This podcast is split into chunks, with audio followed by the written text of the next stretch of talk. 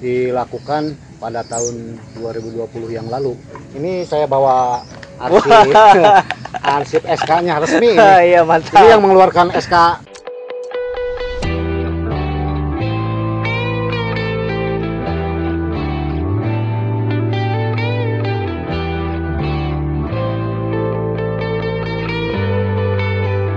Kembali lagi di Hamid Talk. Eh, teman-teman bisa lihat suasananya. Ini ataupun tempat ini mungkin bisa dibilang tempat yang cukup membesarkan saya ketika dulu masih kecil.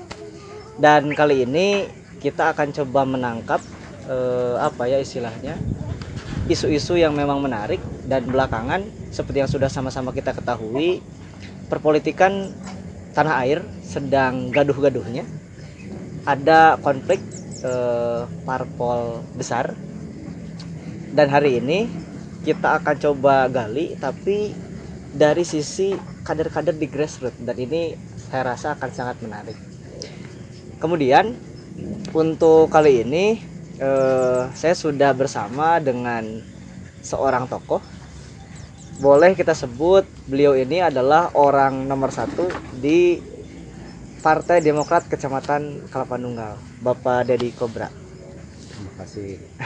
Pak, apa kabar Pak? Sehat, alhamdulillah baik. Alhamdulillah. Jadi sesuai mention kita di awal, eh, beliau ini merupakan Ketua DPAC Partai Demokrat Kecamatan Kelapa Nunggal. Oke. Sebelum kita masuk ke obrolan-obrolan yang cukup panas, kita akan coba sedikit eh, apa ya istilahnya mungkin kita kasih prolog dulu nih Pak nih. Oh boleh Pak diceritain gimana ketika Bapak awal masuk Partai Demokrat dan sampai sekarang ada sebagai Ketua DPAC. Baik. Terima kasih Kang Hamid. Saya panggilnya Akang saja ya. Boleh boleh Pak. Biar lebih familiar, lebih lebih apa ya? Lebih enak dipanggil ya. Boleh boleh Kang Pak. Hamid. Jadi segala sesuatu kan memiliki cerita masa lalu ya. Betul. Kenapa saya berada di Demokrat hari ini sebagai Ketua DPAC Partai Demokrat Kecamatan Kelapa Nunggal? Tentunya punya masa lalu yang begitu unik untuk diceritakan. Begitu unik. Betul.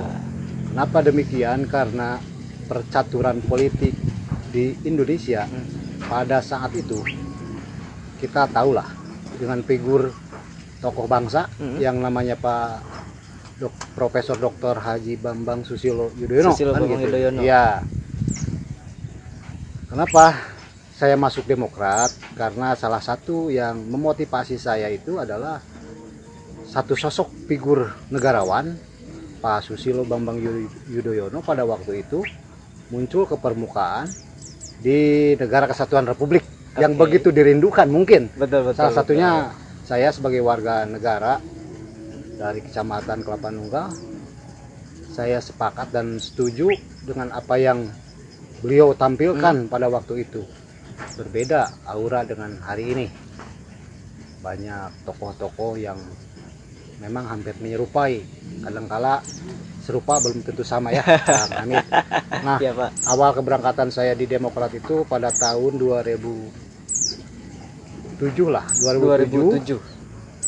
2009 saya menyatakan sebagai kader 2009. 2009 sebagai kader Demokrat asli Oke, ini dibawa nih langsung Hmm. nih KTA-nya nih. KTA-nya ini asli ini waktu ketua umumnya Pak Hadi Utomo nih Hadi Utomo. Kang Hamid Pak. sekjennya Pak Marzuki Ali pada waktu itu ini betul-betul tulus dari hati nurani Itu saya berarti 2009, Pak. 2009 saya sudah memiliki KTA ini Hmm.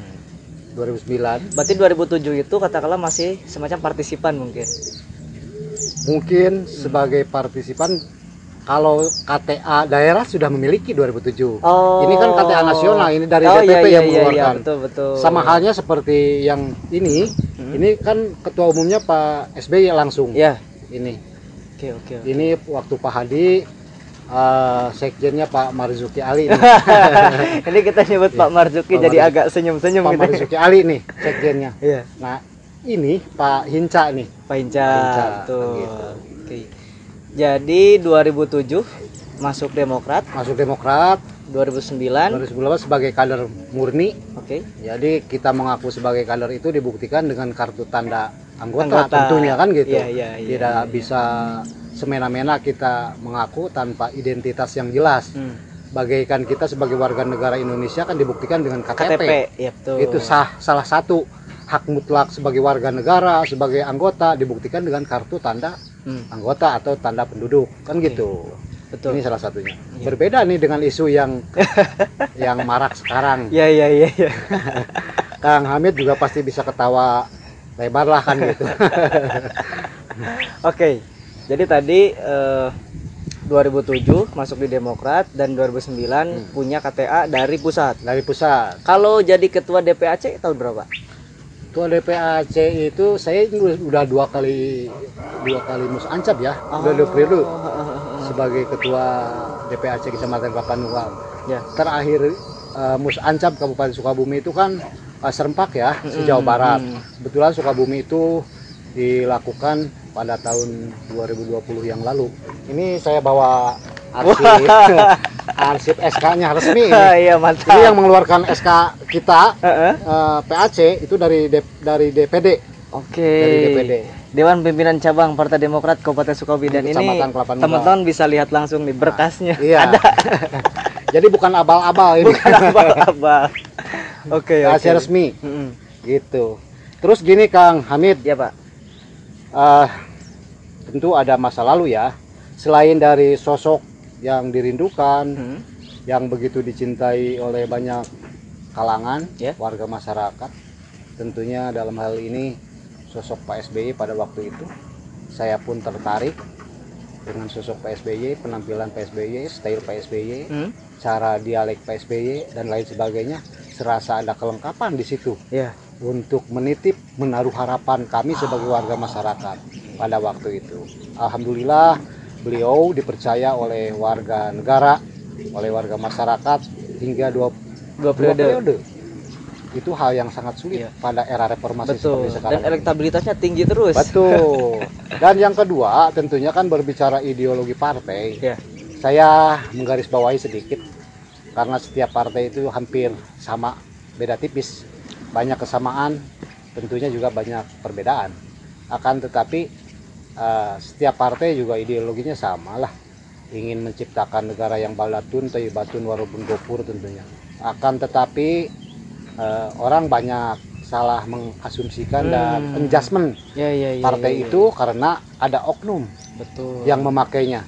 Kalau boleh diibaratkan, kita analogikan secara sederhana, partai itu kan ibarat eh, sehelai pakaian Hmm. yang fungsinya hanya untuk menutupi aurat saja kan, Ya. gitu. Dan layaknya eh, kita sebagai manusia biasa. Akan tetapi banyak tercemar itu oleh orangnya bukan pakaiannya kan gitu. Karena pakaian dipakai oleh orang baik akan ke bawah baik Ya, ya betul. Pak. dipakai oleh orang jahat tentunya kan Ya. pasti ke bawah jahat. Ya. Nah, tergantung kita menyikapi, mencermati. Jadi sekali lagi partai itu tujuannya semua juga baik. Tetapi yang jelek itu bukan partainya, tapi oknumnya. Oknumnya. Jangankan di partai kalau berbicara Ya. oknum Kang Hamid ya Ya betul di betul. setiap Pak. lembaga, institusi dan lain sebagainya, oknumnya pasti Ya, ada. Sebetulnya betul. yang yang jelek itu sekali lagi bukan lembaganya, bukan partainya, tapi oknumnya. Hmm. Nah, kayak di Demokrat hari ini juga. Nanti kita lanjutin. Iya. Oke oke. Jadi Pak kembali lagi Pak. Berarti eh, apa namanya pertama kali jadi ketua DPAC itu tahun berapa tuh?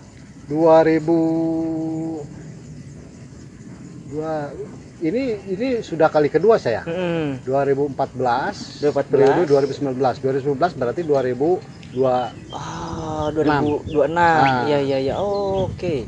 Berarti 2014 hmm. sama 2019. Ya. Oke, jadi udah dua periode Hmm. sekarang. Uh, lama juga ya, Pak? Alhamdulillah lumayan saya paling setia. paling setia. Betul, betul, Tinggal betul. pengkaderan nanti ya. Tinggal berkaderan. Oke. Gampang-gampang susah nih Kang Hamid. Siapa tahu nanti Kang Hamid melirik juga. menarik menarik ajakannya ini menarik oke jadi eh, bisa dibilang memang sudah malang melintang Malang. dari 2014 sampai 2019 sampai berarti 2026 Enam. oke berarti lama sekali pak tapi pak kalau misalnya kita coba lihat nih misalnya sebenarnya di Kelapa Nunggal sendiri kondisi sosial politiknya kayak gimana sebenarnya pak menurut pengamatan bapak nih Kelapa Nunggal itu sebetulnya unik ya. Hmm. Tapi mohon maaf, Bapak karena ini sebetulnya bukan kapasitas Bapak untuk menyampaikan itu karena bukan pengamat politik Oke. kan tetapi Bapak hanya bisa berpandangan dan berpendapat. Hmm. Wajar kalau ada banyak kesalahan gitu kan hanya berasumsi saja Iya, Pak. terkait politik Kecamatan Kelapa Nunggal sangat dinamis sekali. Dinamis. Al- dinamis sekali. Alhamdulillah di setiap eh, kontestasi Kelapa Nunggal mampu memberikan eh, supportnya terhadap penyelenggaraan pemilu itu Hmm. di, di kalau boleh dirata-ratakan Hmm. Setiap kontestasi pemilu baik pilpres, pileg, pilkada, Kelapa Nunggal itu hampir mayoritas penyumbang suara terbanyak kan gitu. Keterlibatannya jelas gitu, ya? Jelas. Jadi sumber daya manusianya itu sudah betul-betul paham. Ah, oke. Karena kan mau tidak mau dan dapat kita rasakan uh, partai politik ini merupakan salah satu uh, bagian dari penyelenggaraan negara juga. Betul, betul, Pak. Nah, alhamdulillah untuk Kelapa Nunggal masyarakatnya sudah begitu terbuka Nah, dan demokratis kan gitu. Oh, oke. Hamid. itu mantap tuh kondisi kelapa nunggal. Berarti bisa dibilang memang cukup melek Pak kondisinya. Melek Kelapa Oke. Nunggal itu. Alhamdulillah dan mudah-mudahan tentu eh, katakanlah Partai Demokrat pun di sana terlibat untuk memelekkan si masyarakat. Betul. betul. Alhamdulillah ya. Kalau berbicara keterlibatan Partai Demokrat hingga hari ini, Demokrat masih masih masuk dalam tiga besar lah di kecamatan. Ah, iya iya iya. Iya benar-benar saya memang pernah diceritain sama Pak Dedi ini memang betul gitu. Salah satu katakanlah di Kecamatan Kelapa Nunggal yang memang dikategorikan sebagai orang parpol yang vokal ya Demokrat begitu. Gitu ya. Alhamdulillah. Betul Pak. Nah kita coba alih topik Pak. Eh tempo lalu kan eh, pemilihan bupati. Betul. Dan posisi Partai Demokrat ini berada dalam koalisi pengusung incumbent betul betul. betul. bersama Golkar, kemudian PKS. PKS, ada Nasdem, ada Nasdem. juga. Ada juga partai non Non parlemen parlemen. Waktu itu apa tuh Pak? PSI? PSI kalau PSI ya kalau nggak salah ya.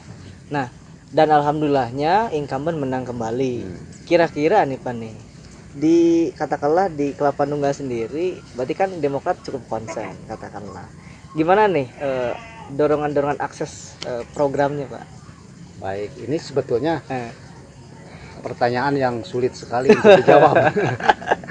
Apa mau dikatakan gitu? iya Pak. Ini bukan kapasitas saya juga sebetulnya karena ini kan kebijakan koalisi. Hmm. Tentunya dalam pemenangan pilkada kemarin banyak pihak yang terlibat, banyak pihak yang andil. Ini kan bukan kemenangan koalisi saja, ini kemenangan warga masyarakat Kabupaten Sukabumi. Betul betul Pak. Termasuk mungkin warga masyarakat Kecamatan Kelapa. Pada hakikatnya ini kan kemenangan warga masyarakat. Dan di Kelapa Nunggal incumbent memang menang. Betul, menang. Di Dapil 2 itu menang. Betul Pak.